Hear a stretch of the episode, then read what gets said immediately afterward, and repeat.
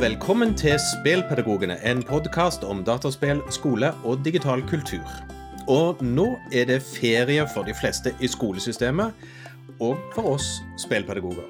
Men vi hviler jo ikke på strandmadrasser.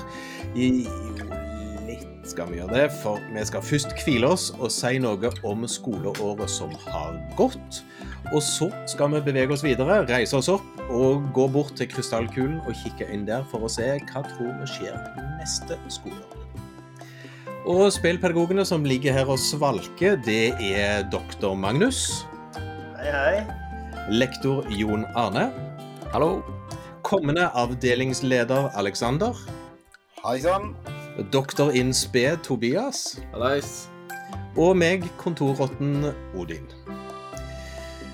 Og som vanlig, før vi tar fatt på hva som har skjedd og hva som kommer til å skje, så slipper vi til noen godbiter her hos oss spillpedagoger.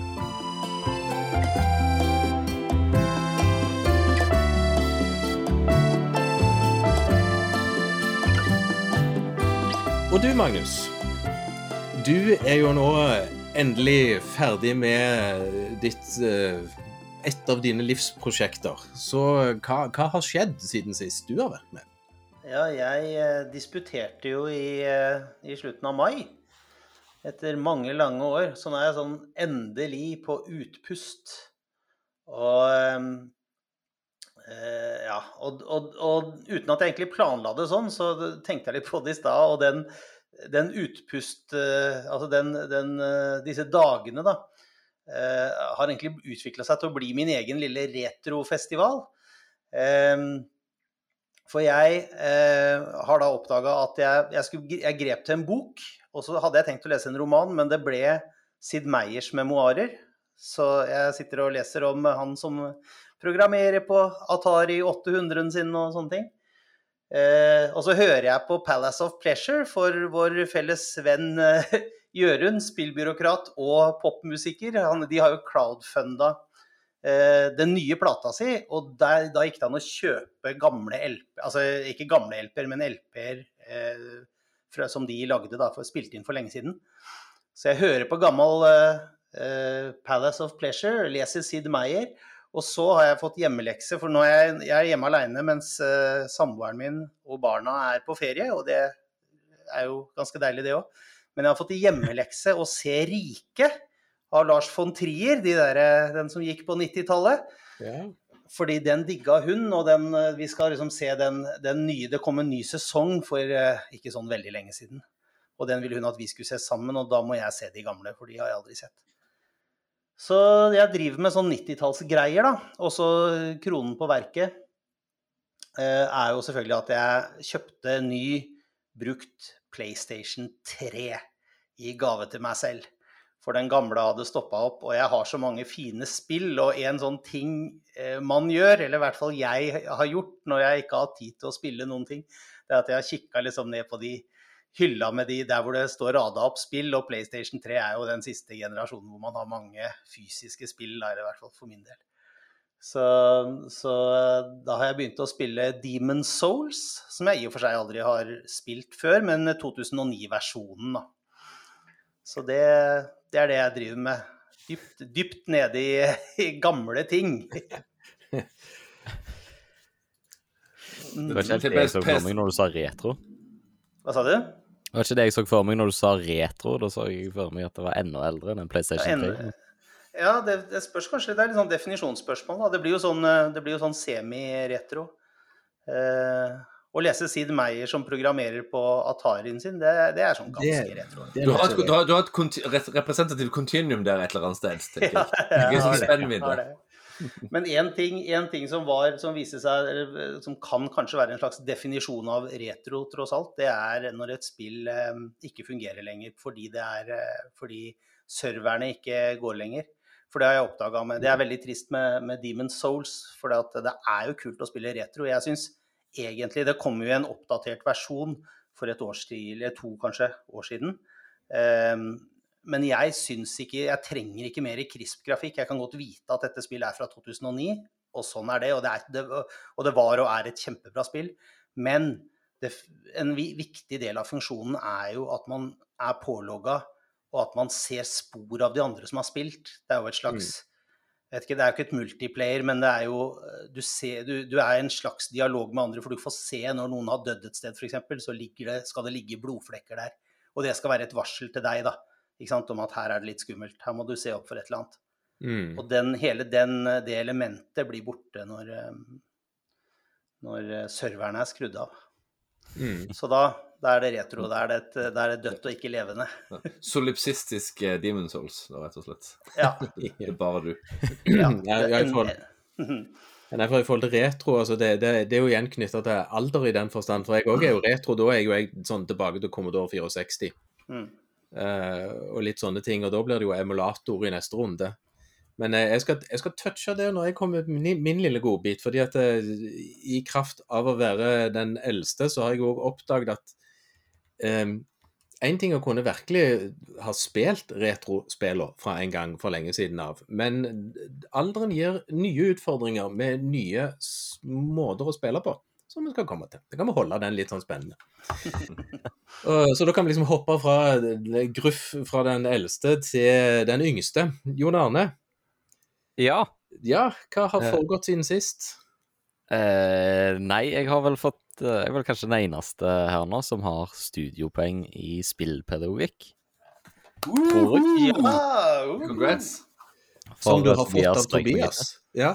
Ja. yep. Så det, var, det er jo for så vidt litt gøy, da, at jeg er ferdig med det. Så kan jeg ta det for kaffen. formelt høyere kvalifisert enn alle andre, alle andre her. Jep. Mm. Det er vel- Jeg liker iallfall å tro det.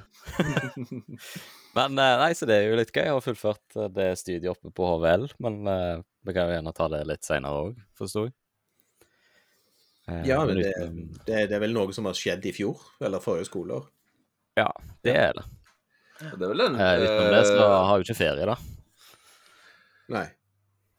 Eh, for vi jobber så mye med einhaier og sommertilbud og alt sånt som det, så det, men det er jo kjempegøy, det. Eh, så skal vi få ny rektor på Revheim, så det blir spennende. Så sitter og venter litt på hvem det skal bli. Og så har jeg fått spilt en del med damer i det siste, på PlayStation 5-en, faktisk. Spilt uh, It Takes Two. Uh, Mm. og det, for de som ikke kjenner til det, så er det et sånn uh, co-op-spill hvor du spiller sammen med en person, og så har du to karakterer da, som har to forskjellige egenskaper, og så er det, må dere samarbeide om å komme til mål. da. Det er liksom, storyen handler om at det er et samlivsbrudd, og så skal Ja. Så ønsker dattera at faren og mor skal komme sammen, da. Så vi sitter jo der, og så ler vi godt for oss sjøl, og så kikker dama bort til meg og bare sånn Hm, Ja. om deg, Jon Arne? Det har minner om deg. ja. Så det, det, det er litt, litt mye løye. Og så Nei. Har jeg spilt en del Thronebreaker som jeg fikk av deg, Odin. Ja. Det syns jeg var dritgøy. Det er sånn der eh, kortspill. Minner sånn Du legger ut med forskjellige abilities og poeng og alt sånt som det, og så er det en story oppå hele greinen, da. Så det håper jeg at jeg får bruk for òg seinere på høsten, for da skal jeg eh, forhåpentligvis ha en spillkino med noe Witcher-greier. Så lurer på hvordan jeg skal bruke det. Mm. Så ikke så mye som har skjedd, men litt. Ja. Og da eh, tenkte jeg vi switcher fort over til avdelingsleder wannabe. Alexander. Ja. Ja, avdelingsleder uh, wannabe. Bare i den uh, forstand at uh, 1. august så blir jo jeg avdelingsleder for økonomi og samfunns... Eller samfunnsretta fag på Norgrig videregående skole. Men enn så lenge, da, iallfall nå i tre, tre og en halv uke til, så er jeg eh, fremdeles godt planta med begge beina på, på gulvet. Og så tar du over eh, viktige jobben som min nærmeste sjef. ja, det ne, altså rart dette her, Tobias. er Sånn at du får sette karakteren til uh, karakterene til Jon Arne. Jeg uh, kan avgjøre hvor eh, høy og mørk jeg skal være når uh, fraværsmeldingene kommer. Det er et interessant makt makthierarki som begynner å utkrystallisere seg. her. Ja. Men uh, akkurat nå så er jeg nå uh, godt i eh, feriemodus. Nå er jeg i, eh, på hytten på Kragerø. Og nå har vi hatt regn i dag, da, men ellers har vi nå strålende badevær i en del, i en del dager. Uh, det det går i spill, det er egentlig kortspill. Det er kasino og spadame har det gått mye av siste Det er dagene. retro, det. Det er retro, ja. retro, ja. Men, uh, og, men det, som, uh, det som er litt uh, artig nå sånn at jeg, altså min, eh, min kone hun, Jeg får jo aldri min kone med på å spille noen verdens ting. Det er jo en, eh, det er jo en skandale. Men eh, eh, nå Begge mine døtre, nå ni og tolv, og min svigermor, de er glad i kortspill. Så da kan vi være fire stykker til å spille spadamer. Vi har eh, ja, vi har, eh, vi har et spill gående over en god del kvelder nå. eh, Og forhåpentligvis en god del kvelder til før sommeren, eh, sommeren over. Så har det for så vidt også blitt eh, introdusert en ny eh, spillkarakter inn i eh, eh, familien Isaksen Husøy. Vi ble hundeeiere nå rett før, eh, rett før sommeren. Eh, og da er det en eh, dvergpuddel med det passende navnet Mario som er kommet Ja, ja. inn i bildet. da. Riktig. Koselig. ja. Vi må jo spørre hvem, hvem eh, var det som eh, en navngiver, holdt, navngiver, holdt det på å si. Nei, jeg kan eh, røpe såpass at jeg var sistemann som eh, til å eh, akseptere at ja, vi skal ha hund. Og eh, et av eh, Altså, et av mine krav da var at eh, min stemme skulle vektes litt høyere enn andre stemmer i husstanden når eh, navnsetting skulle gjøres. Her ser jeg en lederstil Ja, var- tre fram. Forhandlingsmester. eh, To, Alexander, ja. Mm. Yes. Men du, Tobias. Ja, Du eh, putler ennå med doktoroppgaven. jeg putler så det holder. Jeg er jo ikke ferdig. Jeg har ca. et år igjen. Eh, Jeg har heller ikke ferie. For jeg har tenkt å, altså Mål om å være ferdig, ferdig med, i hvert fall, med to av artiklene innen utgangen av august. Så nå sitter jeg og eh, altså analyserer på gamlemåten. Podkastlytterne ser ikke, men her er altså bare én time av eh, materialene mine. Printa ut alt, sitter med markeringstusj og blyant og analyserer. Og kode og hele pakka. Og det er dritkjekt, rett og slett. Uh, I hvert fall når jeg syns at, at det begynner å gi mening, og når jeg begynner å lese, lese Går fatt på en ny time og oppdager at ja, men her, her er det ikke noe mer, så mye mer å oppdage, fordi at eh, kategoriene mine og kodene mine fungerer ganske bra. Mm. Så det er gøy. Så det er, det er, det er, nå jobber jeg med en artikkel jeg allerede har fått godkjent, men jeg har fått har fram til 1. august og ja, jobber videre med den og eh, tar meg, eh, forsyner meg av, feed, av reviewerne sine kommentarer osv. så Um, Så det jobber jeg med. Men jeg spiller jo litt òg.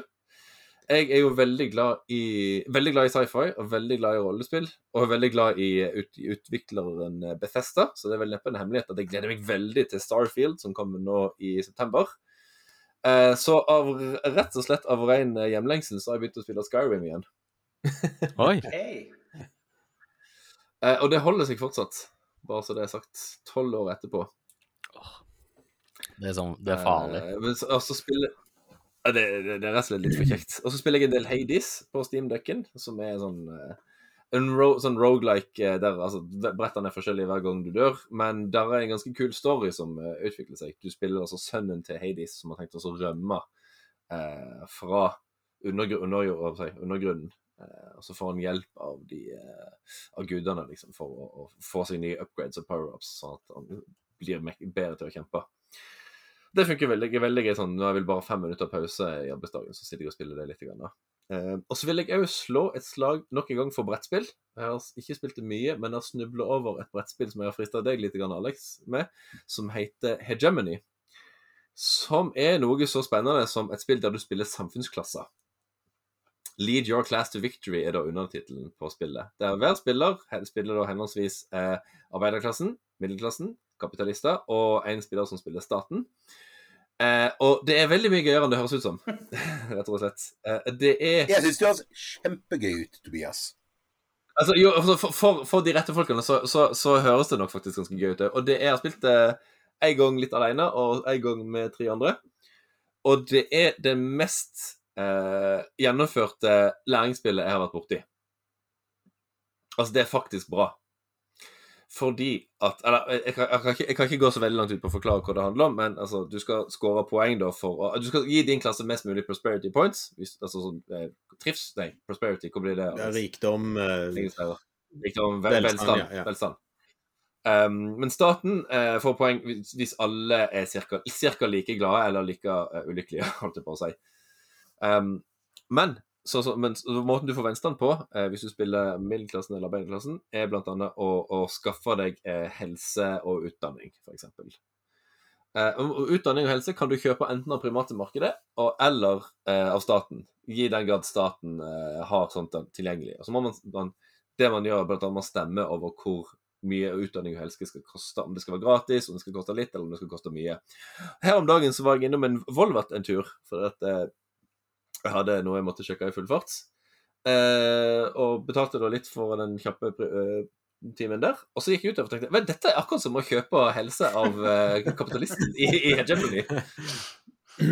Og da, da er jo da, så, uh, mitt, spørsmål blir jo sånn ja. umiddelbart Hvis du da later som om du er Norge, og alle som spiller er enige om at vi skal spille det som Norge, vinner alle? nei, nei, nei, da kan jeg love deg at arbeiderklassen vinner, faktisk. Ja. Fordi at uh, greia er at kapitalistene skårer poeng ved å ha mest, mest, mulig penger. De skal sitte igjen med mest mulig income. Og de må de har income tax og de har property tax. Sånn som man har. Og så har de jo selskapsskatt. Og de vil da holde de skattene lave. Og de tjener penger ved å selge eh, ja, bl.a. helse og, og, utdanning til eh, arbeiderklassen. Men hvis den er gratis, så har ikke de kapitalistene noe å tjene på det må de prøve å selge på eksport, eksportere, eller noe sånt. Det, det, er egentlig et veldig avansert, veldig kronglete spill, men, men, det er ufabelaktig godt design. Det har til og med en sånn der, I Kickstarter, en fancy versjon, så har de til og med en sånn lita uh, oppslagsverk som forklarer alle uh, de samfunnsfaglige begrepene uh, i spillet. Så nei, Hegemony, hvis dere liker tåler tunge brettspill, Uh, og dette høres appellerende ut. Men Kan jeg få spørre om noe? Er, ja. den, som er, den, som er, staten, er det en slags gamemaster, eller er det også en, en, en aktør i spillet? Jeg, da jeg spilte staten forrige gang ja. den, jeg, jeg tilnærmer Jeg har liksom naturlig Jeg spiller ikke for å vinne, jeg spiller for å ha det kjekt. Og jeg har det kjekt hvis folk rundt meg har det kjekt. Så jeg gikk veldig naturlig inn i sånn gamemaster-rolle. Uh, men nei, um, du, nok, du, du skårer poeng uh, ved å Du skårer poeng ved at spillerne kjøper tjenester av deg, og at du deler ut ting. Du kan gi uh, subsidier til ulike av de andre, kan, til de andre tre spillerne. Og så skårer du poeng hvis de tar de, og så, så kan du òg skåre poeng hvis de bruker evner som på en måte bruker noen av dine ressurser. Så hvis man skal tenke liksom, relasjonen til en, en virkelig samfunnsstruktur, så er det liksom et sånn teknokratisk styre som ikke på en måte domineres av noen av disse klassene, da? Eller? Ja, altså de andre spillerne kan Det er idealt syv forskjellige policyer som spillerne kan stemme over. Det er alt fra hvor streng inn immigrasjon skal være, uh, ulike skatter og avgifter og en del sånne ting. Uh, og, og, det er lettere for de tre andre spillerne å styre enn for, for staten sjøl. Okay. Um, mm. Ja, og, så, og staten får, du får poeng Staten får mesteparten av poengene sine i slutten av hver runde, og de får taket på hvor mye poeng de får, er den spilleren som er minst fornøyd med de. Så du vil ha alle cirka like fornøyd, for du får ikke mer poeng enn den spilleren som er minst fornøyd. For det er sånn der, eh, Du har en sånn der en track, sånn spor som, der du går opp i liksom, popularity points eller noe sånt. hver gang Det høres jo ganske sosialdemokratisk ut, da. Ja, ja. Men, Alle er sånn har... passe misfornøyd. Da er det greit, liksom. ja. Men du har en, en, en, en, en sosialistisk og en, og en uh, liberalistisk Eller du, du, har to poler på alle sånne uh, greiene som man kan stemme over, da. Mm. Ja, men uh, Nå har jeg snakket nok om hegemony, men, men det, er, det, er, veldig fascinerende altså Vi, sitter, vi disser jo læringsspill en del, da, men uh, jeg syns hegemony er et veldig veldig godt eksempel på at det går an å lage bra spill som faktisk får deg over, til å tenke over ja, hvordan en moderne stat drives, um, og samtidig som du har det kjekt. Mm. Men før ordet går videre til Odin, du må også kommentere på altså, er det, Du sier det er et bra læringsspill. Er det et bra læringsspill i klasserommet, eller er det et bra læringsspill utenfor klasserommet?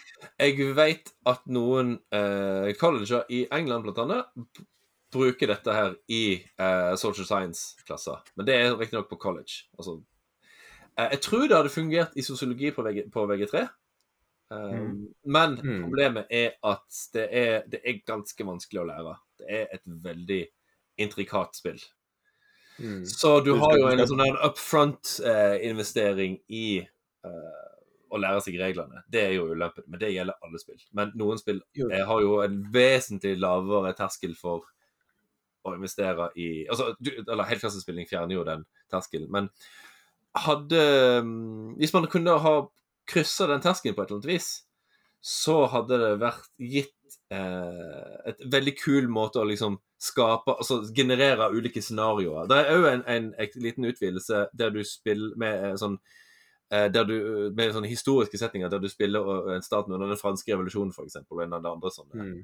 eh, historiske Ja, men, men, men det betyr jo sånn i utgangspunktet at du skal ha veldig lyst til å lære deg spillet. Ja, og som elev så må du bli lurt til å tro at du kommer til å synes, synes det er gøy, rett og slett. Ja, jeg, jeg ser den. Ja, men det, det er dessverre for avansert til at jeg tror det er vits å bruke i videregående. Og så er det dyrt, det koster 1000 kroner, og det er bare for fire spillere. Så du må jo ha ganske mange Et klassesett vil jo koste en del, da. Men men jeg skal, jeg skal for så vidt spille ballen over til meg sjøl og si det at jeg, jeg har jo akkurat nå i det siste Jeg har plutselig oppdaget det har kommet i alle fall to Jesus-spill. For Jo, altså det er akkurat det, det de er. er det din kategori? Eller sjanger? Jesus-spill? Ja, Det, det ser nesten ut til det begynner å bli det. Uh, Det finnes jo allerede en kategori som heter God Games, så det, vi Ja, men, som ja, dette, Games, dette er jo mer åpenbart direkte. Altså, det- når det er et spill heter I am Jesus Christ, så er du liksom Scenen er satt da, altså. Uh, og det spillet har jo jeg for så vidt uh, spilt litt uh, ute i en sånn der demo. eh, all, og det, det går an å si veldig mye om det, men så kom det et annet nå, som var sluppet av Smiths venner, er det vel, som har utvikla det. Som òg skulle være et sånn et spill deg gjennom Jerusalem i år 30. Uh, og så oppdaget jeg plutselig at I Am Jesus Christ er et bedre spill. jo, for, fordi at det andre tok på en måte bare masse spillmekanikker, og så pakte det inn egentlig bare litt sånn ordinær historieundervisning i en verden som er litt sånn eh, i forhold til om han er historisk korrekt. Mens den der første I Am Jesus Christ, den, den tar liksom steget helt ut, og du skal spille Jesus. Og, og det er noe på en måte litt sånn Det går an å si mye om det, men det er i det minste ærlig. Mm. I en slags sånn, Vi tar han helt ut. Du skal være Jesus, du skal leve i din egen samtid. Og da blir det Du, du får en annen nærhet til det som foregår, enn gjennom det der tredje pers persons perspektiv som dette andre spillet velger, der du er en gutt fra fremtiden som reiser tilbake i tiden og skal utføre oppdrag. eh, Som, der det oppdragene er egentlig viktigere enn det egentlig historien i spillet handler om. Mm. Altså, du skal gjøre masse sånn sniking og dings og dangs, og så er det liksom det som er spillmekanikken. Mens i det andre Jesus-spillet, I'm Jesus Christ, der, der er jo faktisk spillet lagt til at du skal gjøre ting som Jesus. Og, og følge historien i din egen eh, i evangeliene, egentlig. Så, så mm, selv om jeg syns det første var litt plutselig, så, så ble det bedre enn det burde være når det andre kom. Ja. å. Eh, Men- jeg, jeg har ikke sett noen av disse her, eller jeg har ikke spilt noen av spillene, men jeg har sett trailerne på begge. Og det som har slått meg, er at uh, dette her uh, Dette her er. Det virker mye mer som et morallæringsspill, Ja, mens, ja. Det, mens I Am Jesus Christ virker mer som i Her er historien om Jesus vi skal lære. Ja, ja sånn, sånn røffelig. De hadde veldig ulike vinkler inn mot det, men jeg tror du var veldig rett i den vinkelen. Eller den ulikheten. Eh, Og det kan òg stemme med hvem som har lagd de ulike spillene. Men det, det får vi ta som en, en egen podkast. det, fins to til, tror jeg. Men jeg, det som jo har skjedd i, hos meg, er for så vidt at jeg ikke har tid til å spille så mye eller være så mye spillpedagog, fordi det har gått veldig mye i AI kunstig intelligens etter vi i Randaberg, eller at jeg lagde et nettsted som heter AI i Randabergskolen. Uh, som vel ble offisielt sluppet i april, men jeg lurka og lurte med det til såpass mange før det at siden så har det stort sett det det har handla om i min hverdag. Ja, du hadde et lite hjertesukk der at du fikk flere AI-spørsmål enn spillspørsmål. Ja, altså, i kalender... Altså, jeg eh, kikket litt i på en måte oppdragslista mi, og fram til jul i fjor så handla ting stort sett om eh, spillpedagogikk. Etter jul så har det stort sett bare vært AI. Eh, og nå til høsten, og egentlig i begynnelsen på våren òg, så begynner bestillingsboka å booke seg opp, men det er bare AI. Det er ingen spillpedagogoppdrag på min liste uh, framover. Kan man si at AI-spørsmålet er jo litt mer akutt. Det må man ta stilling til på en helt annen, litt annen måte. Ja, det, ja, det må vi. Eh, så, så, så, det er jo for så vidt akutt, men, det, men det er, jeg syns jo det er litt sånn trist at det, det, får et så stort fokus. At jeg for min del opplever liksom litt av spillpedagogikk eller ingen som gidder snakke om, at det blir nesten ikke plass til det engang. Uh, og så vet jeg at det er nødvendigvis bare i min min hverdag, for det er jo det jeg stort sett holder på med nå. Men, eh, men eh, hvis jeg skal spå noe som jeg har blitt flink til å gjøre, jeg vet ikke om jeg har fått rett ennå, så tror jeg allikevel at hele AI-biten kommer til å roe seg kraftig på høsten. Simpelthen fordi at da ramler ting inn i litt mer former enn det har gjort nå før sommeren. Det vil bli stabilisert på et tidspunkt. Ja. Men, men vil, vil, det det før man har på plass noe som Altså, så lenge lærerne uh, blir gående og mistenke at det de leser er uh, av innleverte oppgaver er AI og ikke elev, elevenes dumskap, så vil vel ikke dette roe seg? Jo, sim, jo og grunnen til at jeg tror det eller jeg, jeg bare jo, men jeg, men jeg, tror det. Og grunnen til at jeg tror det, er at en ting er at vi i Randaberg med dette nettstedet vårt var først ute med å gi lærere og elever tilgang Eh, altså til chatboter basert på GTP35, GPT4 og litt andre verktøy knytta til det, så ser jeg jo nå at nå ruller jo de store kommunene òg ut løsninger. Eh, så skal jeg være så frekk og freidig og si at det er inspirert av det vi gjorde i Randaberg. Nå kommer jo Oslo kommune eh, rullende til høsten. Universitetet i Oslo kommer rullende med sin egen løsning, som betyr på en måte at alle elever og studenter i Oslo vil få tilgang fra skolens side til disse tjenestene. Eh, og, og, Da betyr det på en måte at eh, organisasjonene tillater dette. og Da betyr det òg at de må tilpasse seg dette. Og, og, det er for så vidt, og selvfølgelig det kommer til å være sjau en stund, men i og med at det, det nå blir et tilbud til studenter og elever, i såpass mange kommuner. Bergen er på vei, Stavanger sitter litt på gjerdet, Asker er på vei. og litt, altså Det er kommuner som, som, tenker på dette nå, og kommer til å komme med løsninger. Og Da betyr det òg at det vil bli normalisert. Enten vi vil det eller ikke. Og Det betyr òg at undervisningen som foregår på skolen, kommer til å tilpasse seg dette. Det, er litt sånn Jeg pleier å si, jeg sammenligner ofte med kalkulatoren. Ja, det blir vondt og vanskelig en liten stund, og så er det plutselig et verktøy som blir en integrert del av opplæringen i både språkfag og for så vidt òg andre humanistfag, som baserer kunnskapen sin på språk. Så, så, så, ja, jeg tror det normaliserer seg utover høsten. Og at når, når tilbudene blir normalisert, så kommer òg si, diskusjonen til å roe seg en del. Min analyse er faktisk motsatt, en, uh, motsatt av din, Odin, selv med de samme dataene. For det, uh, det du sier, det er at uh, her kommer det til å være en del kommuner som har systemer på plass. Og det kommer til å være en hel haug med kommuner som ikke har som ikke har systemer på plass. Så jeg, jeg tror at her er det i alle fall ett år til med kaos før, eh, før fordi... normaliseringen kommer. Nei, nå kan jeg røpe litt fordi at uh, det er sikkert noen som kommer til å lage en tjeneste som de kan tilby til andre kommuner òg. Lurer på hvem det kan være.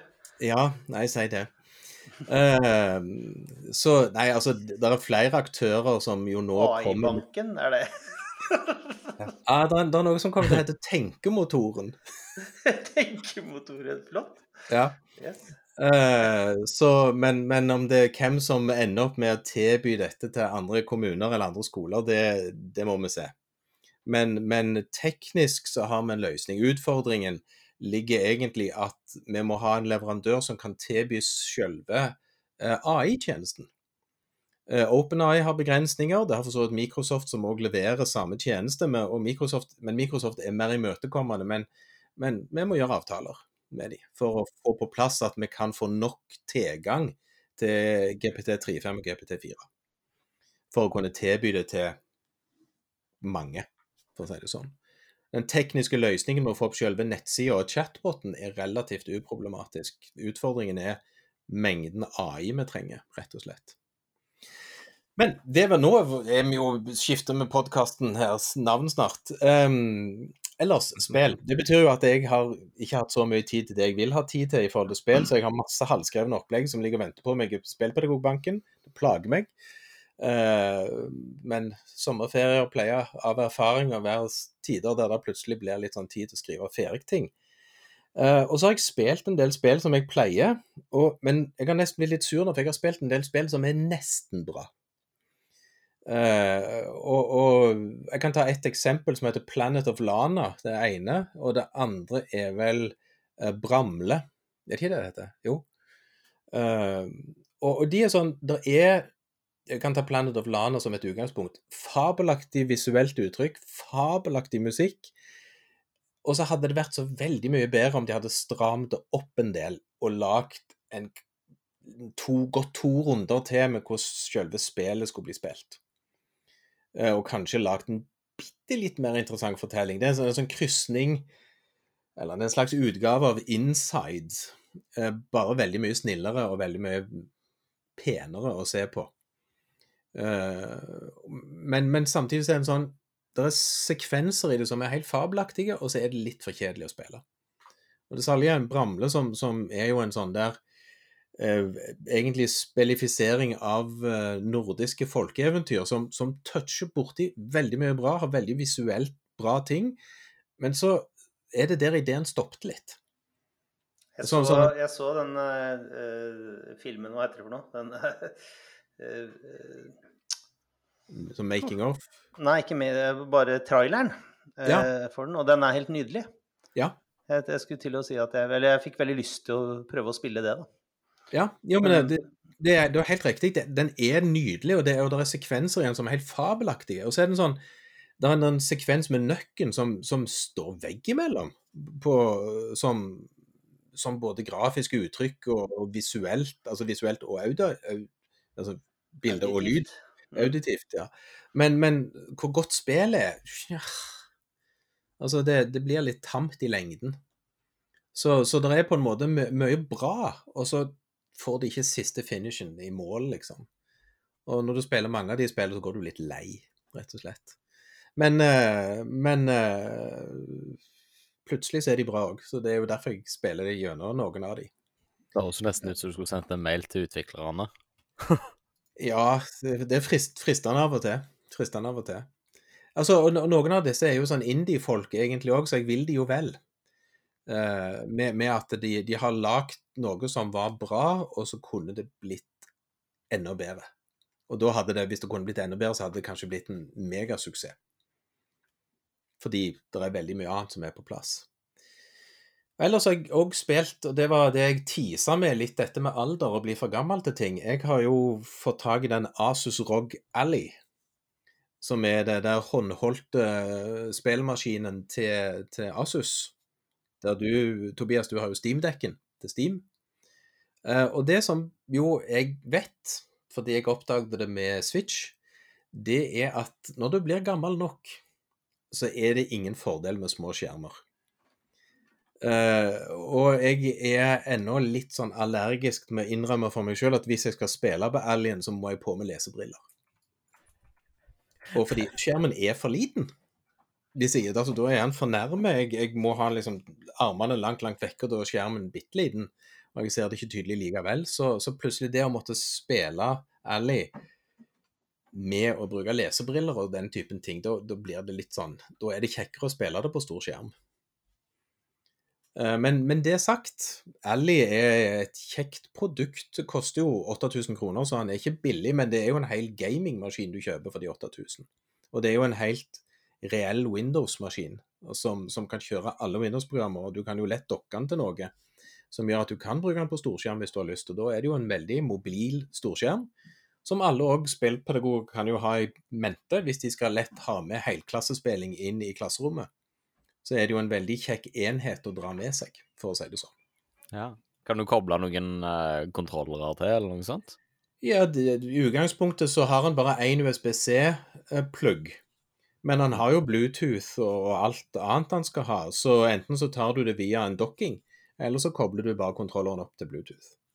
Ja, for jeg ser det hvis du ser for meg hvis du dokker den, liksom, så er det litt teit å prøve å stå, sitte nærme TV-en og spille på Nei, nei, da dokker du han jo selvfølgelig og har en, en Xbox-kontroller eller et eller annet PlayStation-kontroller kobla til. Så det har jeg testa, det, det funker som en kule. Så istedenfor å ha en diger gaming-bærbar til 15 000 kroner, så kan du ha en lett håndterbar batteridreven i to timer, hvis du kjører full pupp. Uh, som, som du jo bare har med deg i sekken til en 8000 kroner. Så, så det, er jo en, det er jo et interessant alternativ i den settingen òg. Og det er som sagt fordel. I motsetning til Steamdeck, som er jo Linux som emulerer Windows, vel å merke bra, så er jo dette en helt reell Windows-maskin, så alt virker. Det er ikke et spørsmål engang. Ja, det er jo litt gøy. Ja. Men hvis ikke det er du som er marked, eh, eller hvis ikke det, det er markedsført for deg, hva vil du si at eh, dette her er markedsført til? Nei, det er jo litt eh, det, det dere andre, holdt jeg på å si. Uh, fem, ty, 20 pluss uh, som har begynt å jobbe og har mye penger. Jeg vil jo bare si at i det hele tatt å ha en håndholdt gaming-PC, om det så er Steamdeck eller RG ROG Ally eller hva det er, er, det er noe helt annet enn Switchen.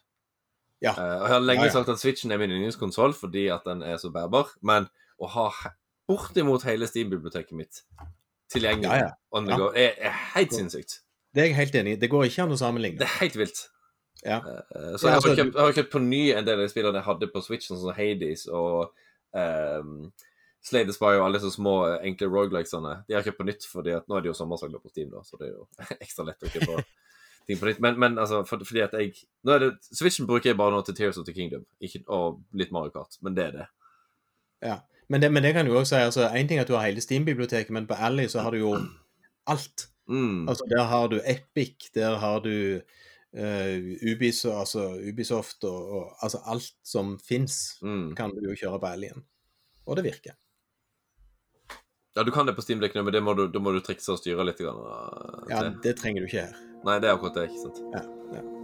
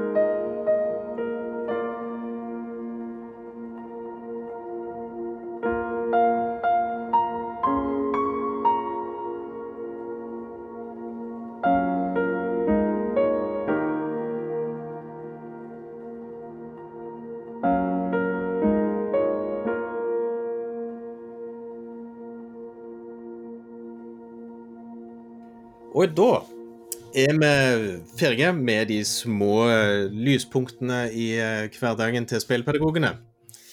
Og eh, vi går over til dagens tema, som er rett og slett skoleåret som var, og skoleåret som kommer. Og bare for å sette en liten sånn ramme til det. Jeg har notert for meg sjøl i skoleåret som var, og da skal jeg bare si litt sånn stikkordsform, og så plukker vi opp ballen etterpå, vi som er med i dag. Jeg har notert for meg sjøl at skoleåret som var, var faktisk spillkinoåret. Eh, Spillkino ble jo presentert på NKUL i 22.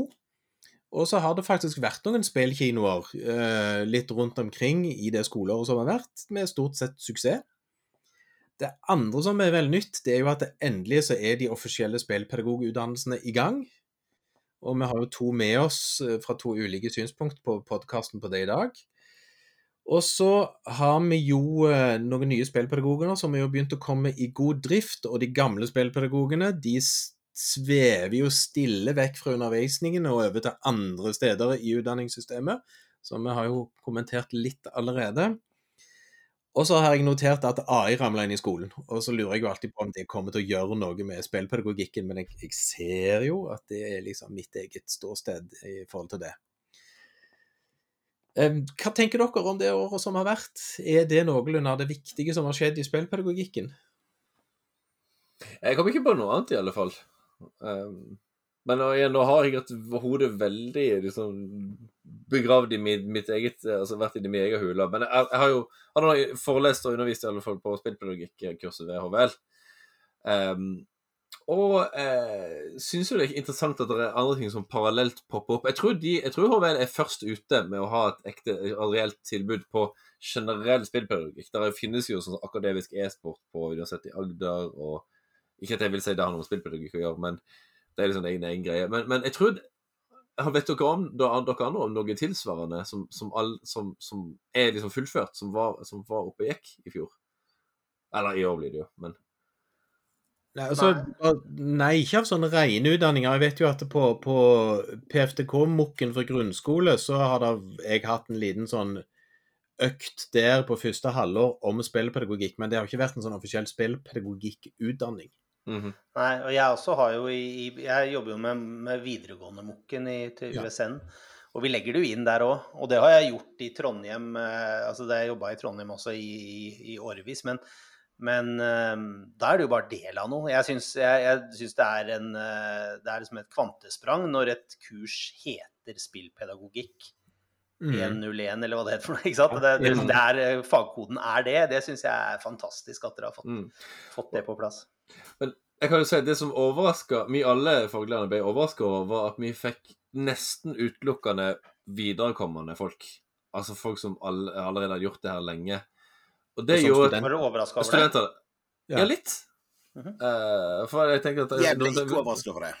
For jeg, jeg ville bare, hadde, hadde det vært meg, så Nei, det er kanskje bare meg. For jeg tenkte at ja, jeg ville kanskje sjøl at Altså, noen var jo åpenbart overkvalifiserte, for å si det sånn. Men når det er sagt, så tror jeg Og dette, dette må du av, av eller bekrefte, Jon Arne, men jeg tror den ekte verdien for, mange, for de studentene var å møte hverandre, og ikke nødvendigvis møte meg og de andre faglærerne. Mm. Uh, Ja. ja.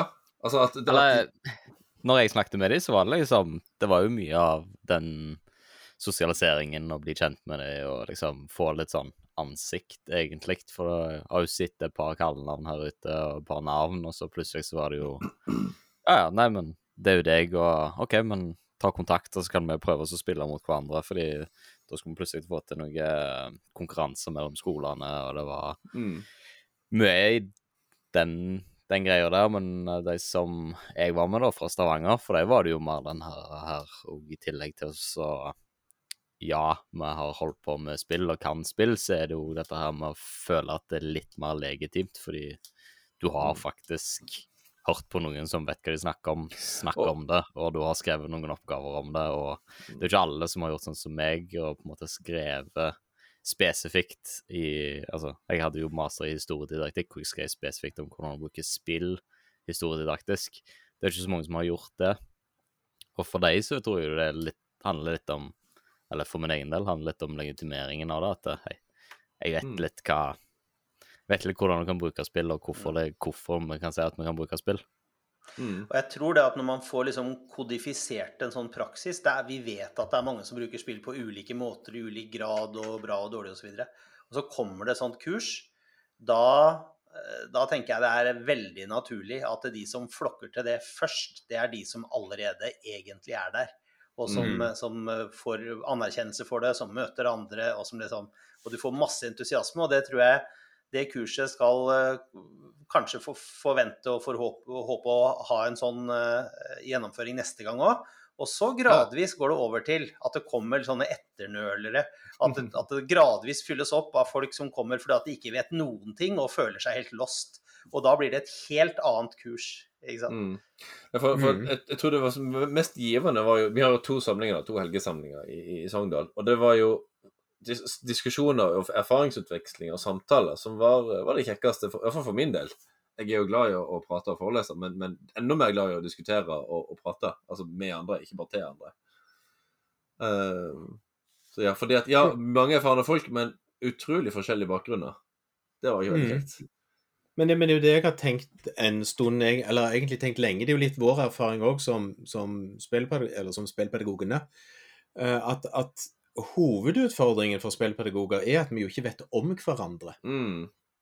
Altså, altså at, at vi ikke Simpelthen, vi vet ikke at vi er der engang. Og på en måte det å da få anledninger, enten konferanser for den saks skyld, eller da eh, ferdige utdanninger med anledninger til å møtes, så, så er jo på en måte nesten det det viktigste Mm. for en del av spillpedagoger. Vi rett og slett sier at å, er- holder du på med dette? Hva du gjør for noe? Og så foregår jo for så vidt en del av erfaringsutvekslingen og læringen i, i det. Og, det. og det er jo litt det samme som vel vi har erfart med hverandre. Altså, for, altså jeg ble jo klar over deg, Tobias, og deg, Aleksander, den gangen du, Tobias, var sammen med han uh, Ims. Imsen. Peisprat, med Tobias Øystein. Peisprat, ja, på, på N-kull. Mm. Og så var det liksom sånn Å, der var det noen som òg holdt på med dataspill i skolen, som jeg òg hadde holdt på med i flere år. Mm. Men jeg visste jo ikke om dere. Jeg visste jo ikke om Nordahl Grieg videregående skole. Jeg, jeg visste litt eh, om Bare nyss gjennom bloggen din og noen tweets Ja. tror jeg hadde snubla over deg, men det var det. Ja, altså, forut for, da- før vi traff hverandre på eh, Ja, og så er det jo liksom det å plutselig å treffe hverandre på konferanser eller i disse settingene. Det er jo på en måte det begynner å bli spennende. Vi kan på en måte møtes og begynne å, å kna på de ideene og tankene som vi jo, og erfaringene som vi jo har som spillpedagoger oppi dette. mm. Eh, Og jeg, og jeg tenker jo ennå at uh, jeg har et lite sånn hjertesukk eh, i, i forhold til DDV på Universitetet i Stavanger. For, for der òg er det liksom en, en hel gjeng som for så vidt holder på med noe. Og som på en måte lever litt sånn sitt eget liv i forhold til hva vi i spillpedagogen holder på med, da, i forhold til hva utdanningen på Høgskolen på Vestlandet holder på med, i forhold til hva PFDK-ene holder på med. Og, og så er det liksom ingen særlig dialog noe sted. Så har vel, jeg, vi har vel sagt kanskje tiden inne for en stor spill i skolen-konferanse. Ja, jeg-. Jeg, ja. nå, nå, er vi, nå er vi farlig nærme med å hoppe over til, te, for temaet eh, spill, spillpedagoger 2024, men Gjør det likevel. Nei, men eh, jeg, jeg, jeg, har, jeg er i prat med noen av eh, spillforskerne oppe i landet. Jeg er med i spillforskergruppe for eh, eh, ja, folk i Norge som er interessert i spill.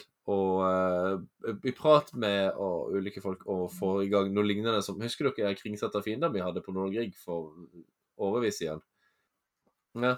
Og for Der er i alle fall uh, lærere og forskere og ulike møttes for å ja, dele av sitt, rett og slett. Så min Mitt drømmearrangement er jo å uh, ha noe lignende, men at uh, først og fremst lærere fra ulike steder av landet. Uh, F.eks. en del, av de som tok uh, spill 101 på HVL, kommer og presenterer kule ting de har gjort, og så speeddate med forskere som kan komme, følge med de inn og gjøre litt research på det de gjør, sånn at det her blir dokumentert og gjort tilgjengelig.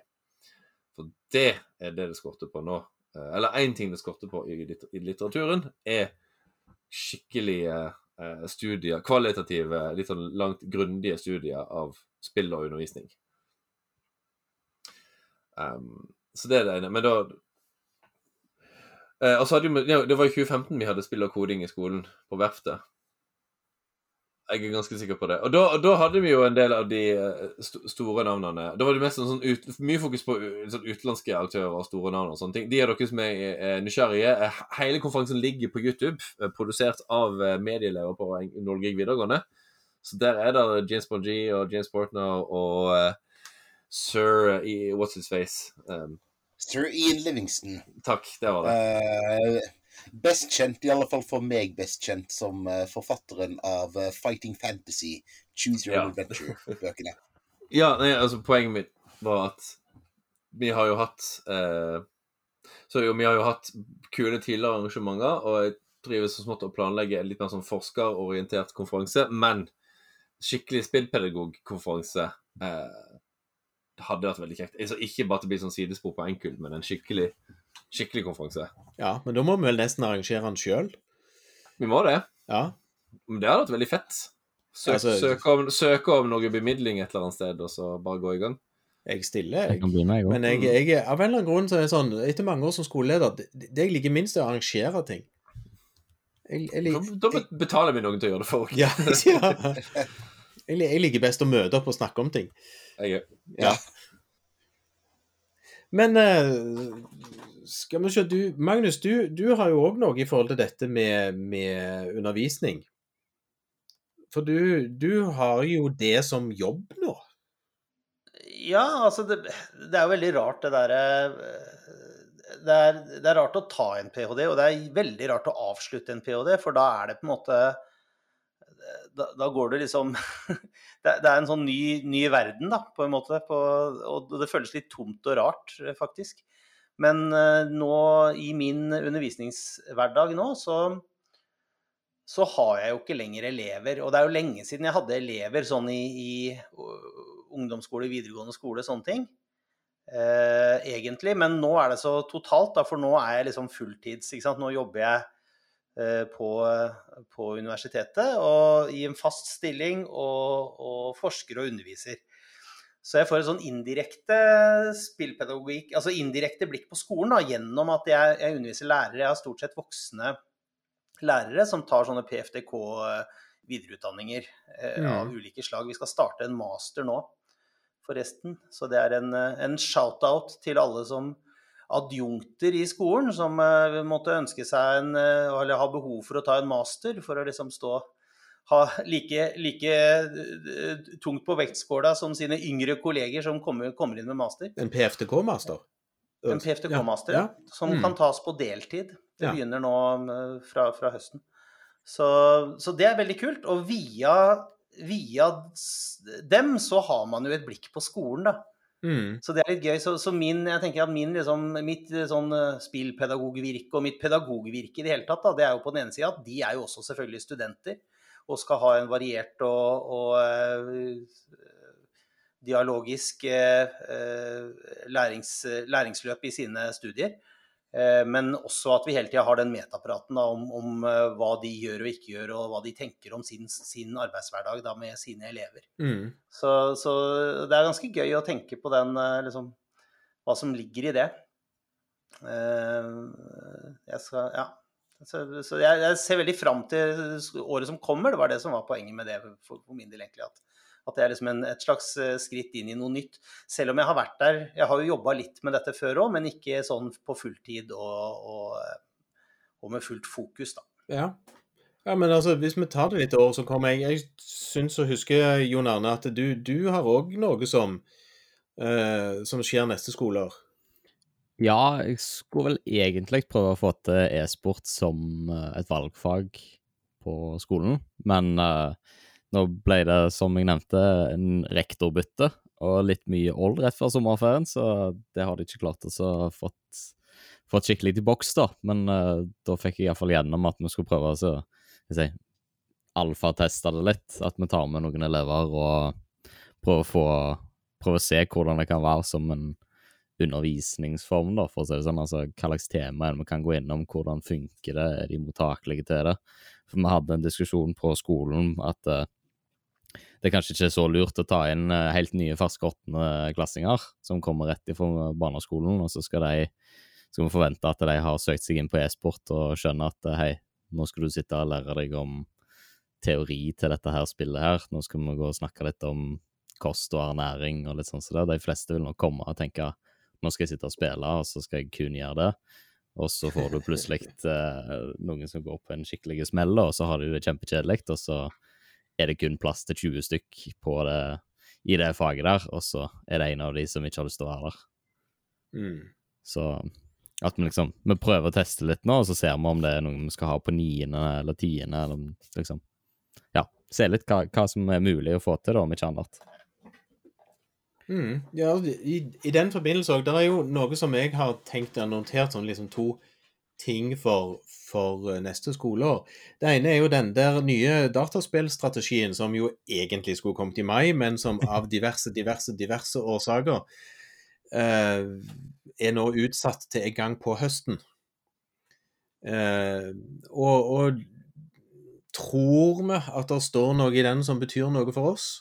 Ja, vi håper jo det. Vi eh, gjorde jo en eh, ikke uvesentlig eh, innsats med å sende noen innspill som vi tror er de klokeste innspillene som finnes. Så de må vi jo regne med at de har tatt inn noe av, i alle fall. Og mest av alt der jeg håper at det er kommet inn noe. Det er jo dette som går på spillrom som flerbruksarena. Denne her tankegangen Mm. om at kanskje eh, Kanskje inngangen til å få flere spillressurser inn i skolen, det å ha en sånn ja, tankegang som eh, vi har både på Jon Arne sin skole Revheim og på min skole Nordre i Bergen, om at eh, de spilleromressursene som brukes til undervisning i skoletiden, at de også kan eh, gjøres tilgjengelig til andre aktører utenom skoletiden. da. Mm. Jeg har tenkt I den forbindelse så er det noe som har plagt meg hele dette skoleåret. Eh, og det er at vel ingen av oss i Spillpedagogene har satt oss ned og prøvd å finne ut hvordan Steam Café Education virker. Hvis jeg forstår det rett, så er det en slags uh, gjenopps... Gjen, er, er, det, er det rett og slett uh, Steam EDU som har gjennomstått? Det er rett og slett Steam EDU som har gjenoppstått. I så fall er det jo fabelaktig. Ja, og problemet er at det er opp... Eller problemet. Utfordringen er at det er meg bekjent allerede oppe å gå. Mhm. Der er, tror jeg, tre Jeg var inne og sjekket, det er vel nesten opptil 5000 titler som er tilgjengelig for utdanning. Og dess høyere opp i utdanningen du kommer, dess bedre tilbud får du på de Mm. spillene. Av en eller annen grunn. Ja. Um, Uh, og det er òg løst da med at organisasjonen, eller institusjonen som skal ha det, må jo sette opp en egen bitte, bitte liten tjener som holder orden på lisenser, og da kan du kjøpe inn 30 lisenser av et spill som da fordeles ut av denne serveren til de brukerne som kobler seg opp, der som, og som da denne serveren kan lisensiere ut til brukeren. Og da kan du òg lage en masterbruker som bestiller spiller, og så kan du ha masse slavebrukere som ikke er ekte i anførselstegn Steam-brukere, men bare en Steam-bruker på den serveren. Og Dermed så løser du alt som heter distribusjonsproblemer, du løser alt som heter GDPR-problemer osv. Innkjøpsproblemer og alt er løst i den løsningen. Og så er det ingen av oss som vet noen ting om han. Der har vi Jeg sovet på kikka så jobb. vidt på det. Jeg kikka så vidt på det, er, er det ikke, men jeg fant ikke EDU. Men, men Steam Café, er ikke det en sånn type spillekafé? Altså samspilling i en i, i, Nei. utafor en skolekontekst, egentlig? Eller ikke samspilling, men at, at man kan at flere brukere kan spille da, Jo, altså innenfor den samme serveren. Jo, nei, nei, nei. Altså, Steam Café var en løsning der du på sånne kafeer med datamaskiner Ja. kunne lett sette opp en tjener som distribuerte Steam-spill til de ulike maskinene. Men brukeren som satte seg ned for å spille, måtte ha sin personlige Steam-konto for å kunne sette seg ned. Oh, Ja. okay. Men, men da kunne på en måte en server holde på en måte en cash av de spillene som skulle være på disse maskinene. Men de har utvida det systemet nå. Sånn at når du, Hvis du først installerer Steam Café-løsningen, så kan du òg utvide den. Du, kan, du må sende et brev og betale 300 kroner et eller annet, til Steam for å få det til å bli en, en Steam Café Edu-konto. Så du må registrere den som et ekstra ledd, men det er en forlengelse av den tjenesten. Uh, og, og med da masse tilgjengelige spill, masse gode tilbud. Og så vet jeg at er, Nå har jeg glemt hvilket universitet i Norge som faktisk har satt opp dette for egen del. Og det er litt flaut. Eh, fordi at det er jo noe som vi burde satt oss ned og funnet ut, for dette er jo faktisk en løsning på det vi har sagt er hovedproblemet Mm. med all dataspill i skole, nemlig hvordan å få kjøpt inn og distribuert dataspill til den enkelte maskin. Altså For, for datarom sånn som dere har på Revheim og Nordahl Grieg, så er det jo en drøm å kunne distribuert spillene på den måten, og kjøpt inn spill på den måten.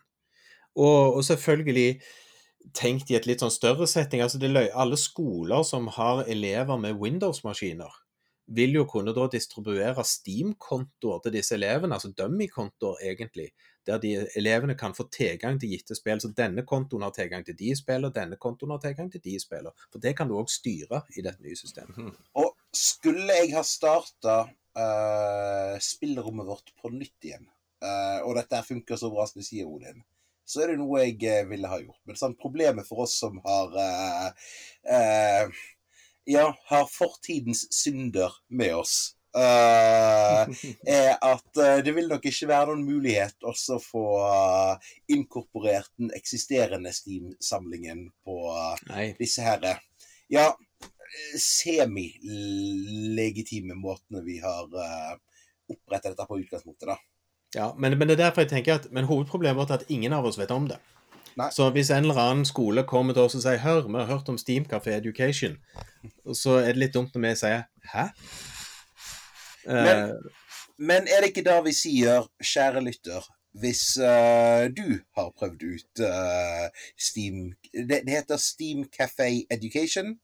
ja, det er Steam Café, og så kan du koble på en sånn eget utdan en utdanningsdel av det.